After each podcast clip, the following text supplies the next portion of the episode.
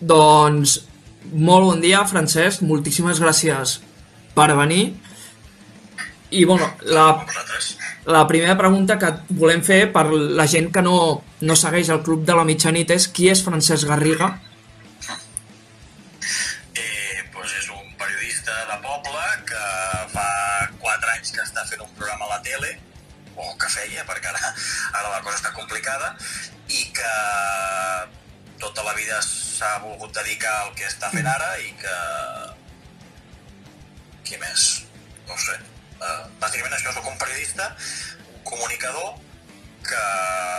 Sempre ha volgut dedicar-se al que està fent ara, per tant, sóc un afortunat. I ja des de ben petit tenies aquesta motivació o, o va haver-hi, per exemple, algun dia on se't va encendre l'antena de vull ser periodista? No, no, de sempre, de sempre. Mm, quan era petit, amb els amics, eh, jugàvem a fer programes de ràdio des de casa mateix, amb uns aparells.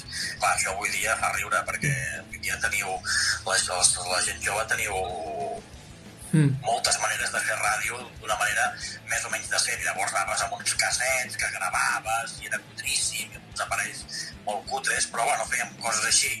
I després, eh, de seguida ja vaig veure que això era el que m'agradava. I jo crec que ja des de d'ESO jo ja sabia que volia ser periodista. I, bueno, el, ara actualment has estat al Club de la Mitjanit i que ha tingut bastant d'èxit. Quin creus que ha estat el secret? Bueno, no sé si ha tingut èxit o no, però no és fàcil que un programa de televisió i de ràdio, però sobretot de televisió, aguanti com nosaltres hem aguantat ja quatre temporades. No, no sé quin és l'èxit. Jo crec que la principal virtut que tenim és que tenim uns col·laboradors que per mi són de, entre els millors de Catalunya, és a dir, si tu haguessis de triar la, la millor gent amb la que comptar, nosaltres tenim sí. bona part d'ells, no dic que siguin només ells, però que si n'has de triar 50, doncs 20 segurament els tries del nostre programa. I d'una banda això, per tant, la, la, la qualitat de la, de, de la gent que veu el programa, després jo crec que portem informació i que a vegades doncs, eh, hem marcat la pauta en algunes informacions i que per tant la gent sap que si vol conèixer coses una de les opcions que tenen és la nostra i després la naturalitat jo crec que el to que té el programa que és un to més aviat proper i més aviat normal fugint una mica potser dels convencionalismes més habituals de, de TV3, doncs eh, jo crec que tot això ens ha, ens ha costat una mica al públic i, i a més amb un públic molt divers. No tenim un públic no només futbolero, sinó que jo em trobo molta gent al carrer que em diu que no els interessa gaire l'esport, però que, bueno, que s'ho posen i s'ho passen. I suposo que a part del periodisme segurament tens alguna altra cosa bueno, que d'alguna manera et fa, diguéssim, vibrar, no? O sigui, si no haguessis sigut periodista, què, què haguessis fet? cosa que jo tenia al cap era dedicar-me no, no sé com, eh? No sé en quin, en quin grau ni en quina manera, però a la, a la política. M'interessa molt la política, m'interessa m'interessen molt els processos electorals. Eh, en el fons no deixa de ser una... És a dir, una nit electoral és com un partit de futbol. Mm. Estàs escalfant molta estona, veient com va, va evolucionant el resultat, fins que tens un resultat final, uns guanyen, uns perden. Llavors, en el fons, aquesta competitivitat que té el món de la política també em, em, em vincula al món de l'esport i suposo que hauria acabat fent alguna cosa al voltant de la política, però tampoc, com que ja de seguida vaig tenir clar què volia fer, mm tampoc m'he imaginat com hauria estat la meva vida. Mm. Bueno, jo faig periodisme i he fet diversos treballs d'investigació sobre bueno, l'esquerra i dreta parlamentària. El que queda clar és que actualment els joves estan bastant desinformats de, de política.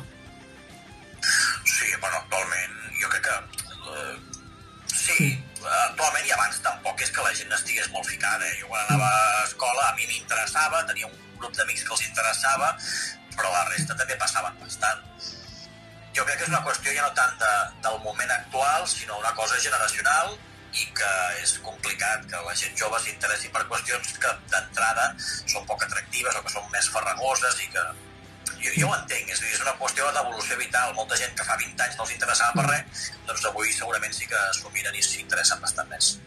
I, bueno, ara la següent pregunta, canviem una mica de tema, i és que jo per exemple, n'hi ha els, els principals mitjans de comunicació, per exemple, aquí a Espanya, per exemple, a Movistar, trobo que els principals tertulians, per exemple, al Vamos, doncs mm, és gent, per exemple, sense formació, una formació periodística. Creus que d'aquesta manera s'està, d'alguna manera, com solapant a, a gent que s'està formant? Que arriba a Nadal i es troben que hi ha gent que, per exemple, per ser un exfutbolista està ja... No? I... Ja, el que passa que hem de tenir... És a dir, hem, hem de separar bé les coses. Una cosa és un tertulià, que és una Mm. persona que va a un programa a opinar i que aquest no té per què ser periodista. Mm.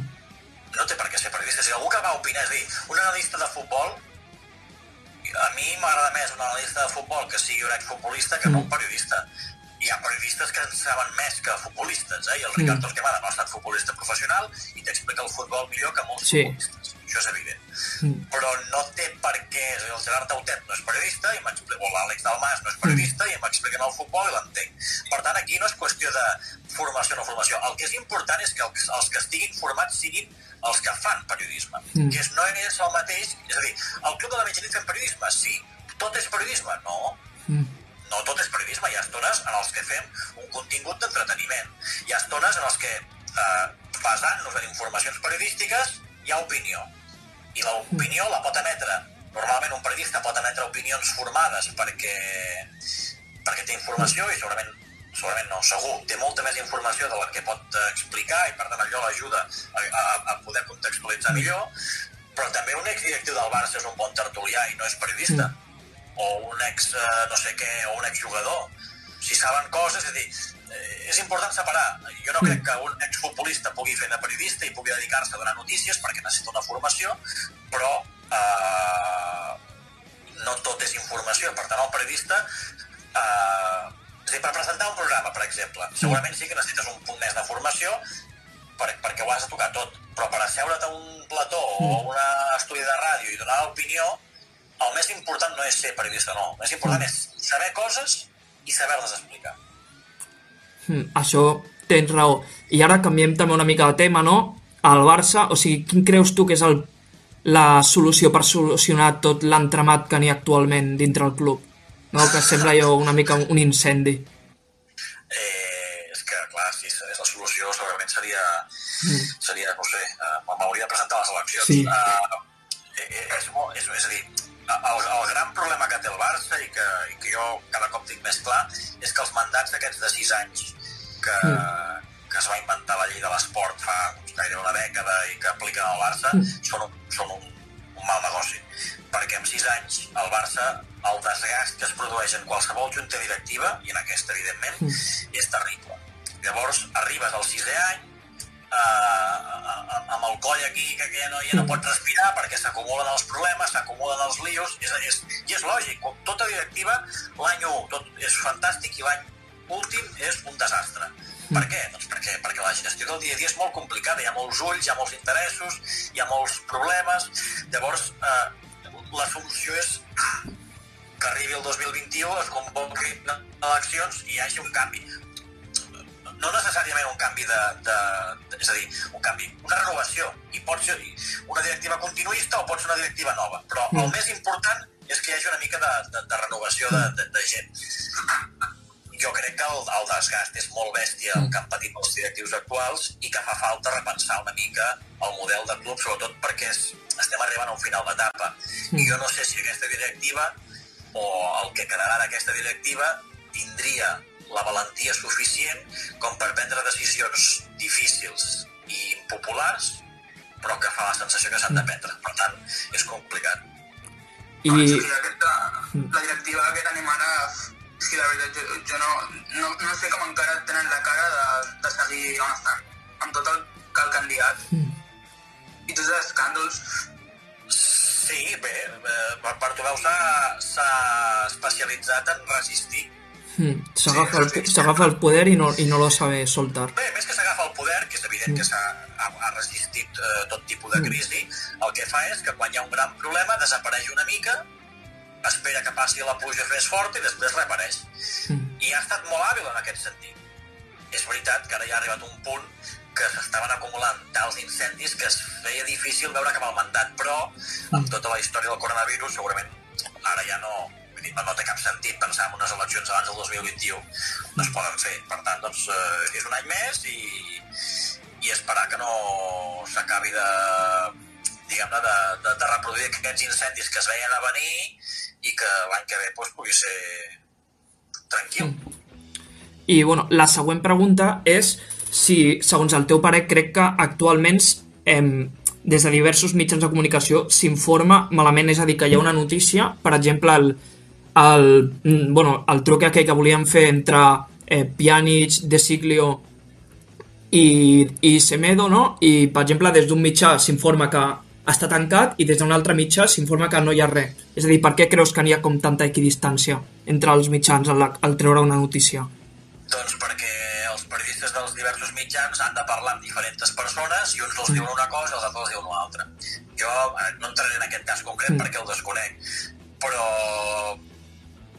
bé, això és una qüestió de que hem de fer autocrítica als periodistes, és a dir, una, una informació no l'hauries de donar fins que no la tinguessis confirmada per un parell o tres de fonts, com a mínim. Mm. I moltes vegades això no passa. I llavors, quan només confirmes amb una font i et diuen A, i després un altre periodista pregunta sobre la mateixa qüestió a una altra persona i aquesta persona diu B, doncs, hòstia, això no, no, no, no, no quadra.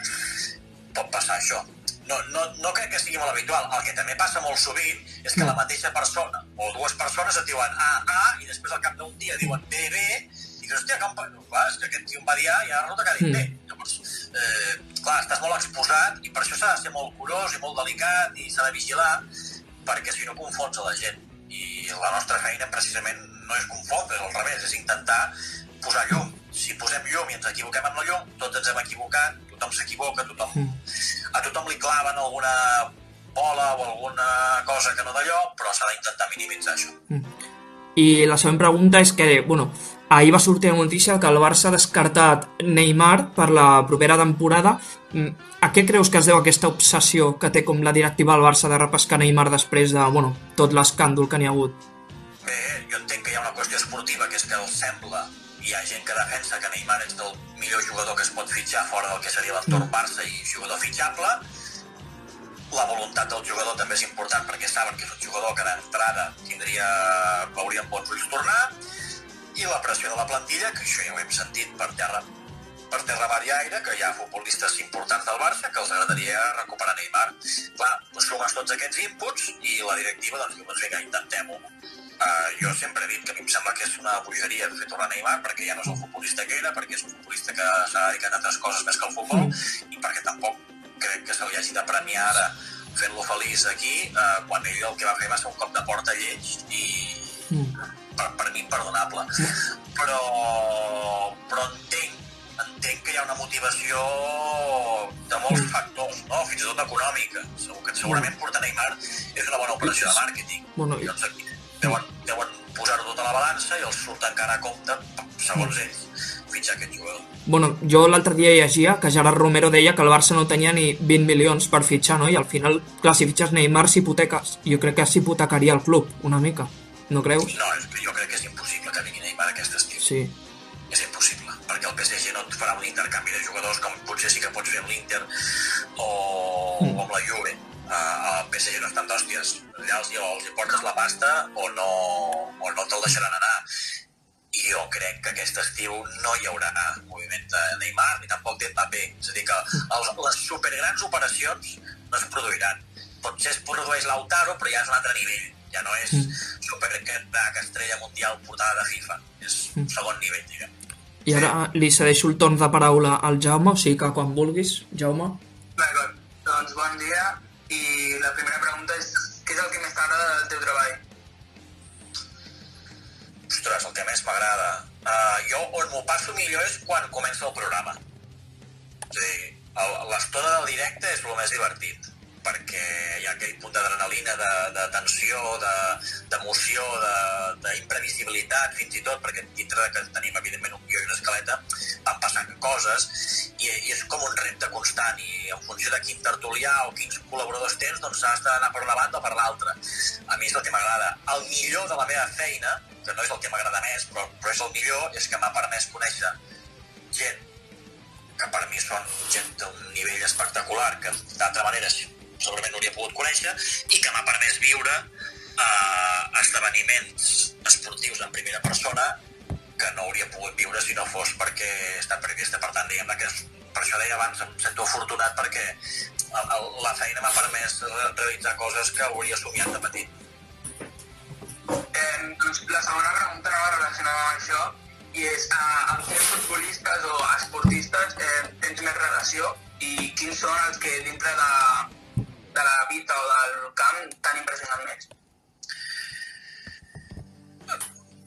No, és a dir, amb futbolistes del Barça i d'alt nivell he procurat...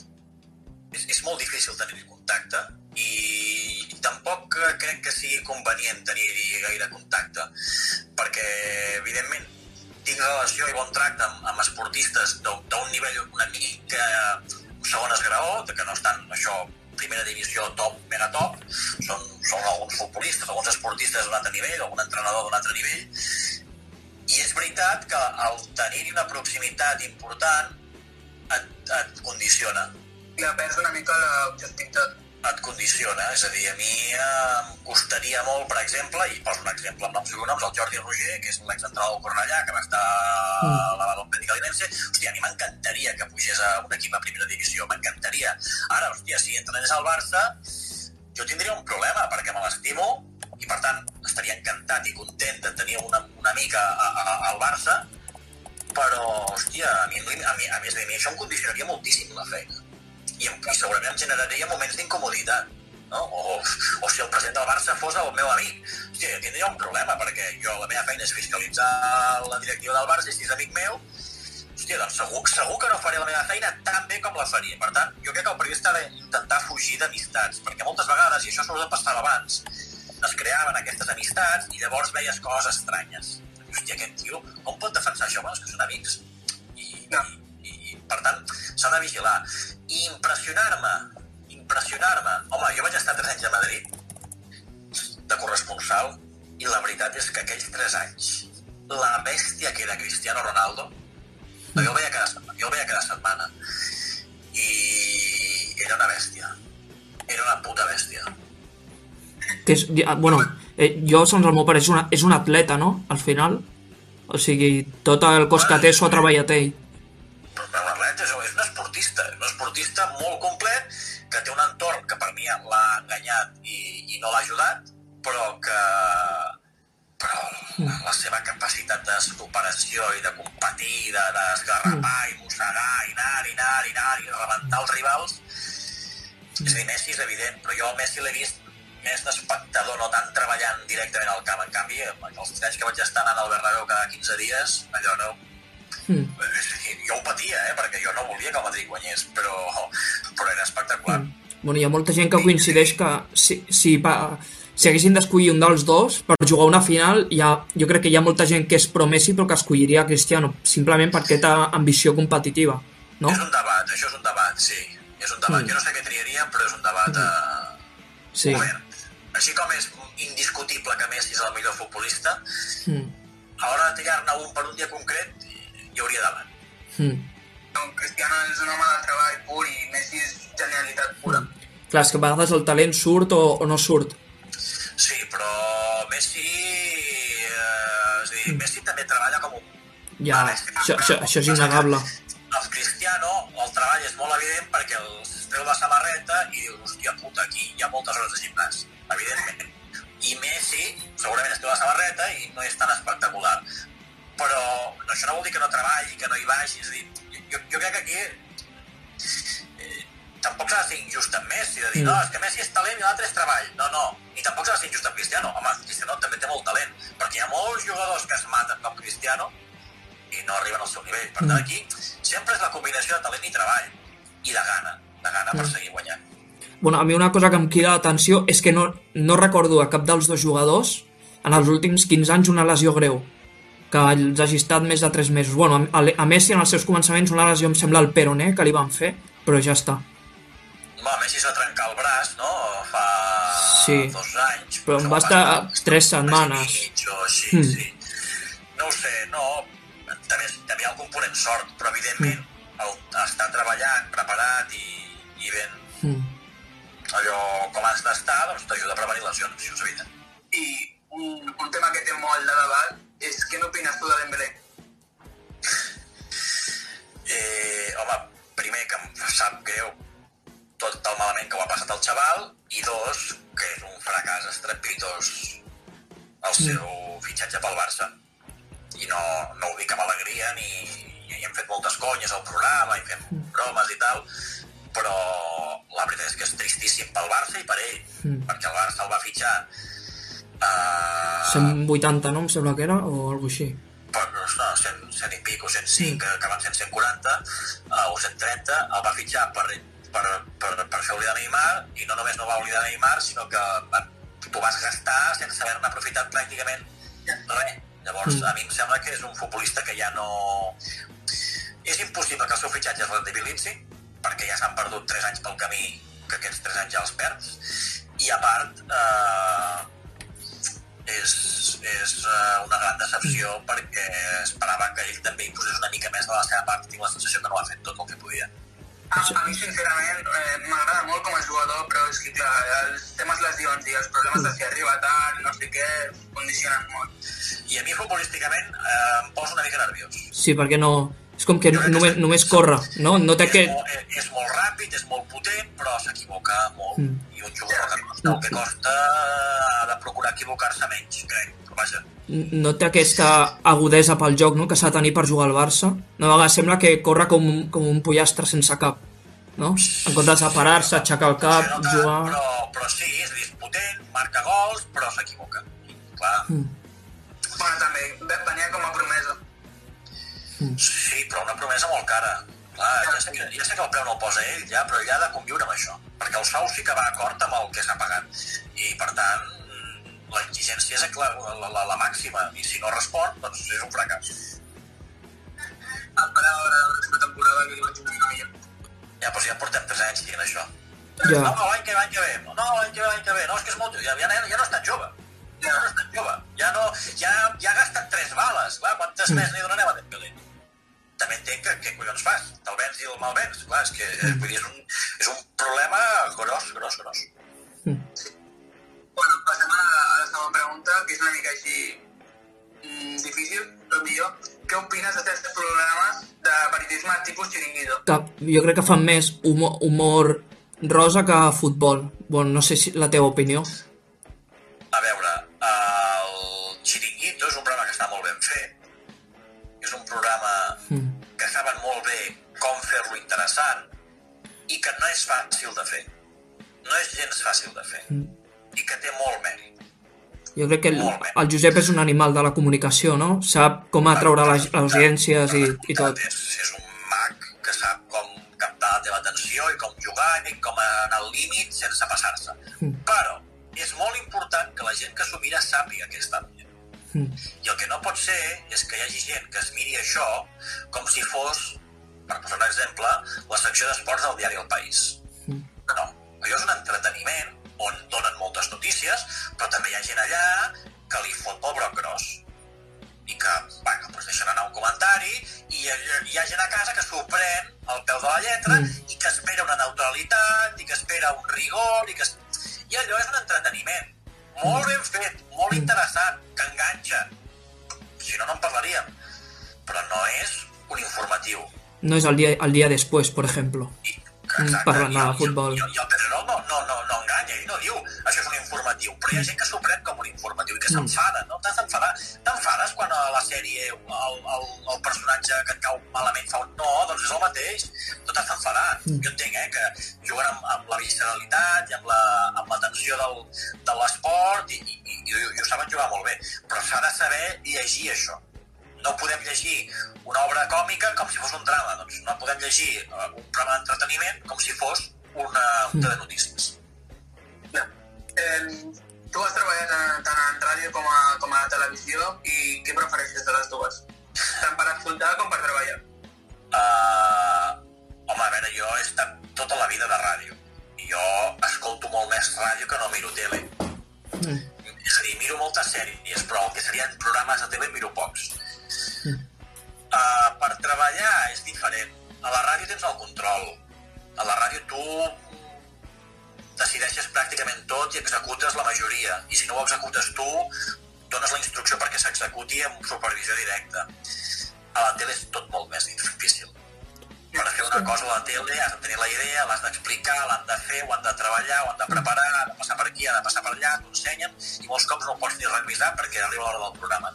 Per tant, és molt més complicat fer tele, és molt més, com a mínim per mi, perquè he fet més anys ràdio que tele, encara la tele té el punt aquest de nou i d'emoció de, més de novetat i de tinc més camí per córrer a la tele que a la ràdio, perquè a la ràdio he fet moltes coses, a la tele n'he fet menys, Mm. Però és que sempre em pregunten què t'agrada més? Que no ho sé què m'agrada més. M'agrada fer ràdio, m'agrada fer tele, m'agraden les mm. dues coses. I el Club de la Mitjanit el graveu en directe?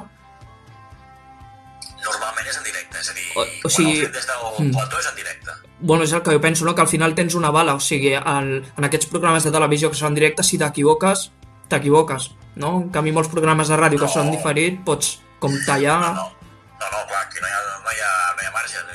Sí, però bueno, és que clar, per mi fer, fer directe no és una cosa que m'impressioni, perquè tota la vida eh, directe, la ràdio, la vida és directe, transmissions són en directe, i és que ni em plantejo fer un programa gravat. Mm. Perquè, a més a més, per mi és molt més divertit fer el directe i aquest risc d'equivocar-se i saber com gestionar l'error. Mm. I jo crec que en això nosaltres tenim certa gràcia en, en gestionar els errors i en saber-los jugar i en saber-nos lliures de nosaltres mateixos. Jo crec que això és molt important, també perquè el to del programa ho permet. Si un informatiu no pots riure com riem nosaltres a vegades amb tonteries que ens passen. D'acord. Eh, molts cops has dit que el Puyal a vegades t'ha aconsellat en alguns aspectes. Què significa el Puyal per tu? Clar, és que és molt tòpic dir-ho, però, però la paraula mestra que se li aplica per a mi ha estat això, jo recordo perfectament, i clar, jo de petit l'escoltava, i entrar a Catalunya Ràdio i que em diguessin ara vindrà el Puyol a fer-vos una classe els que heu d'entrar a fer connexions de tant en tant, estem parlant del 2005. Hòstia, allò era impressionant. I recordo, no sé, vosaltres estudieu periodisme, no? Jo, jo, jo, jo, estic, jo faré tercer l'any que ve. Jo vaig fer els 4 anys de carrera i l'any següent em va mm. no, crec que era l'any que vam acabar, o sigui, l'any que vaig acabar periodisme, jo entro a Catalunya Ràdio i al cap de pocs mesos ens fa com una xerrada, el Puyal ve a la, a la, a la ràdio i ens diu, va, que farem una... farem una... potser ja feia més temps. Farem una, una sessió on us donaré quatre idees, quatre coses, perquè com que havíem d'entrar per fer connexions, jo, per exemple, anava a un partit de segona B i entrava amb el Puyal, anava a un partit de bàsquet i entrava amb el Puyal, doncs donava consells per com, per com treballar. Jo recordo aquella reunió que igual va durar dues hores, o dues hores i mitja, va ser llarga, sortir d'allà flipant i pensant que aquelles dues hores havia après més que en quatre anys de carrera. En dues hores va explicar més coses i vaig veure més la llum que en quatre anys de carrera. I el fet d'estar després també amb el Puyal eh, ja integrat a les transmissions durant tres temporades, hòstia, allò va ser una, un màster accelerat, perquè més el tio fotia molta canya i et feia estar, et feia estar en tensió i t'ajudava a, a veure com treballar. I jo ara intento aplicar moltes de les coses que vaig aprendre allà quan em toca a mi dirigir projectes o quan em toca a mi dirigir un programa. D'acord, doncs passem a la següent pregunta que és què creus que li falta al Barça futbolísticament parlant? O sigui, quin moviment faries per fer que el Barça tornés a ser el que va ser i no el que és ara mateix? Clar, això és molt llarg i molt difícil, però el que és més important per mi, a nivell esportiu, és tenir clar com es refà la plantilla. Mm. I el problema que veig és que per refer la plantilla fan falta diners, no hi ha diners. Llavors, és un problema, perquè la columna vertebral s'ha anat envellint, sí que s'han fitxat jugadors joves que sembla que poden ser relleu, però no és suficient. Mm. Llavors, per mi aquest és el gran kit. Jo no sé com s'arregla, però sí que sé que té una, una solució molt difícil perquè no tens els diners per fer-la. Mm. Bueno, jo crec jo que... crec que també mm. una mica falta la, la manca de confiança que hem trobat amb la Masia durant aquests anys, no? Jo, jo crec que hi ha jugadors al Barça B molt vàlids, però no, no se'ls donen ja, oportunitats. Però si cada entrenador els posa també és per alguna cosa. Sí, jo amb això, Valverde segurament va, va, va tenir poca mà amb això i es va atrevir poc. Mm. Però tampoc crec que fos perquè li vingués de gust atrevir-se poc, és a dir, tenia un punt de, de conservador, segur, però tampoc devia tenir una generació com per tirar coets. Llavors, això, aquí hi ha molts factors. I quan apareixen Messi, Piqué, Busquets, o Iniesta, Xavi, Puyol, tots aquests, doncs eh, a vegades també és una mica de sort. Mm. S'ha d'acompanyar la sort de, de, de, de valentia, però potser ara no és el millor moment per mirar avall. Mm. I, i és, és de, no, no, no. És el tema del planter és, també és, és, és, té moltes té moltes variables i quan no funcionen dues o tres d'aquestes és molt difícil que funcioni tot. O sigui, jo crec que molta... O sigui, la planificació els últims 3 anys el Barça ha anat al mercat sense tenir clar què, què volia, no? O sigui, i, i així és molt complicat, no? No sé si ho tenien clar o no ho tenien clar, el que és evident és que s'han repetit cromos, que s'han mm. deixat de reforçar posicions que segurament feien falta i que s'ha descompensat la plantilla i que ara tens molts migcampistes, però tens pocs centrals, tens una davantera envellida i no tens uh, relleu pel davanter centre. Home, doncs, certament, la direcció no estava clara. Clar. Bueno, la segona pregunta. Em, hi ha pic? Creus que hi ha pic entre RAC1 i Catalunya Ràdio? Com és la relació? Un pique sano, suposo. Clar, clar, sí. Sí, home, a veure, evidentment, jo vull tenir més oients que ells i ells volen tenir més oients que jo. Mm. però i, i em fa ràbia quan ells fan una entrevista que jo fa dies que persegueixo i ells l'aconsegueixen. Penses, joder, o, o quan ells tenen una notícia i, hòstia, però tampoc em cauen els anells a mi perquè quan RACU treu una notícia jo dic, uh, RACU explicava ahir que no sé què, no sé quantos. Doncs, vull dir que no hi ha aquella rivalitat que potser hi havia hagut a la ràdio espanyola dels 90 i 2000 que, que es trien els ulls entre ells. Això, no, això aquí a Catalunya no ha passat mai. Hi ha competència, sí, però vull dir, bon tracte. Jo amb el Gerard Romero me'l trobo i és mm. encantador meu, o amb el Roger Saperes mateix. Mm. Vull dir, ens trobem, xerrem, ens portem bé, no és amic meu, però per què? No és amic meu, no, no, no per res. Mm. Sí, que està, no? Això ja... Sí, sí, sí.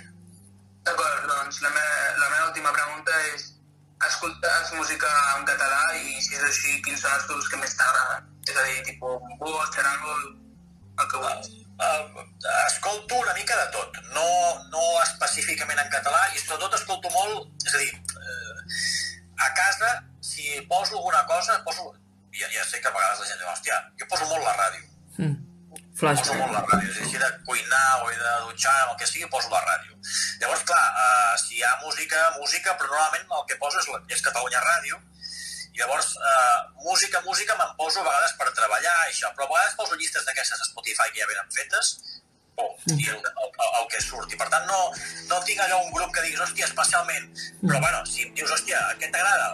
Xarango guai, la pegatina també m'agrada, eh, els Doctor Prats, que van fer la sintonia mm. del programa, també me'ls miro amb bons ulls. Vull dir, no, no, no, no tinc una, un, un grup així en especial, mm. soc bastant obert a, a tot. Vale. I ara doncs, passem... El nostre convidat d'ahir, sí. els de Tiet, que són un grup així de trap català que està sortint ara, ens va dir una pregunta que et volíem fer i és què opines de certs cantautors en plan catalans que ara que els ha vingut una mica la fama han, de, han decidit passar-se al castellà? D'alguna manera no sé si... abandonar la llengua pels, pels diners. No sé, perquè però, creuen que vendran més. L'exemple que ens van dir va ser la Su, que no sé si la coneixes. No, no, no, no el conec. Eh, és que això, això és molt personal. Jo, jo puc entendre que... És a dir, no podem obligar a ningú a fer militància de la llengua. Mm. Cadascú ha de fer el que sent. I si una persona sent que cantarà en castellà se li obriran més portes, doncs eh, està prenent una decisió i se, mm. jo crec que és a dir, evidentment s'ha de respectar la decisió, perquè, escolta, si vols cantar, com si vols cantar en anglès, cantar en anglès, no? El Ramon però, Miravet, per exemple. Però, però jo, per exemple, és a dir, a mi em diu, molta gent diu, hòstia, per què no fas tuits en castellà? Perquè eh, si fas tuits en castellà tindran més recorregut. De fet, una vegada vaig contestar eh, a un periodista espanyol que feia una gracieta i la, la vaig contestar en castellà i, bueno, no sé si va tenir no sé quant milió de visualitzacions al tuit, no? un milió d'impressions. Hòstia, clar, en català no n'hauria tingut tantes ja, mm. però és que jo m'expresso en català. I, mm. doncs, si, si ara, cop, resulta que em quedo sense feina, no sé què, i me n'he d'anar a treballar a Madrid i treballo en castellà, doncs potser sí que tuitaré en castellà, si la meva feina està en castellà. Mm. Però jo no m'he plantejat mai tuitejant castellà, per exemple, perquè no, pues, la meva és el català i jo tuitejo en català. Si jo fos cantant, què faria? Jo crec que cantaria en català, però igual mm. jo he de menjar també, per tant, si veig que en castellà tinc més recorregut, no ho mm. veig com una traïció. Ara, és veritat, eh, si tu vols ser militant en la llengua, ho has de decidir tu. No, no, no, no, no tinc una posició molt radical en aquest sentit. Bueno, per, sí. per exemple, el Guillem de Buas ho explicava, no? que ells molts cops aquí doncs, canten, en, canten en castellà i els hi diuen, escolta, que, per què no canteu en català? Després van a Madrid i els hi diuen al revés, no? I és com, no. bueno, fi, és que al final no, no li podem agradar a tothom, no? Sempre hi haurà algú no. que et dirà... Jo sempre, quan estàs a l'ull públic, sempre ho faràs tot malament, perquè sempre hi haurà algú que no ho veurà com tu. Però això ja estem... Una de prendre les decisions que n'està convençut. Si mm. estàs convençut, que diguin el que vulguin. Que diguin el que mm. vulguin. Bueno, i, i en el món del periodisme això passa, no? Que, per exemple, clar, si tu ets periodista i segueixes la informació al Barça, el més normal és que t'enduguis pals del, del, del sector madridista i al revés, no? no o sigui, al final no... No, no, no, no, no. Fas informació del Barça i t'emportes pals de gent del Barça, ja t'ho mm. dic ara. Insults i campanyes, no, no. La, sí. els pals a mi no em venen de Madrid, a mi els pals em venen de Barcelona. Mm. Però de gent que opina diferent. Si se t'acut dir que Artur millor que marxi, bueno, se t'omple el, el, el Twitter d'insults que dona gust. Mm. I, I, sí, sí, m'ha passat. O sigui, dius que la Lliga ha de tornar i que el Barça hauria de guanyar-la al camp, et venen els que la volen guanyar als despatxos i et foten, et foten a parir i a manta. Que no cal que vinguin els de, els de Madrid a insultar, no?